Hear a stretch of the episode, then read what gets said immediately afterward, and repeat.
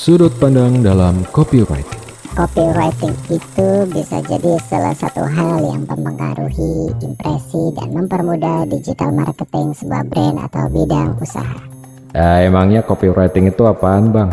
Copywriting itu jenis penulisan yang bersifat mengajak audiens untuk melakukan sesuatu. Kayak semacam melakukan pembelian produk, mengunjungi situs, follow, dan lain-lain. Terus pas promosi enaknya kita ngomongin apaan ya bang? Oke bentar, kira-kira ada tiga sudut pandang yang bisa kita omongin tuh. Yang pertama, kita bisa fokus ngomongin produk kita. Bisa itu fitur-fiturnya, harganya, kegunaannya. Contohnya gini, cuma dengan bayar seharga satu cangkir kopi, kamu udah bisa ikut asuransi. Terus, yang kedua itu kita bisa fokus ngomongin brand kita. Filosofi apa yang kita bangun dan anut, atau penghargaan apa aja yang pernah kita raih. Contohnya gini, Brand kami telah dipercaya oleh lebih dari 100 perusahaan di Indonesia.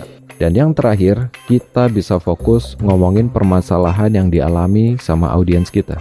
Yang terakhir ini, kita harus betul-betul kenal sama target audiens. Karena yang akan kita angkat adalah kendala yang mereka alami di kehidupan sehari-hari. Contohnya gini, capek karena sering lembur bro. Vitamin C ini siap nemenin kamu biar tetap bugar.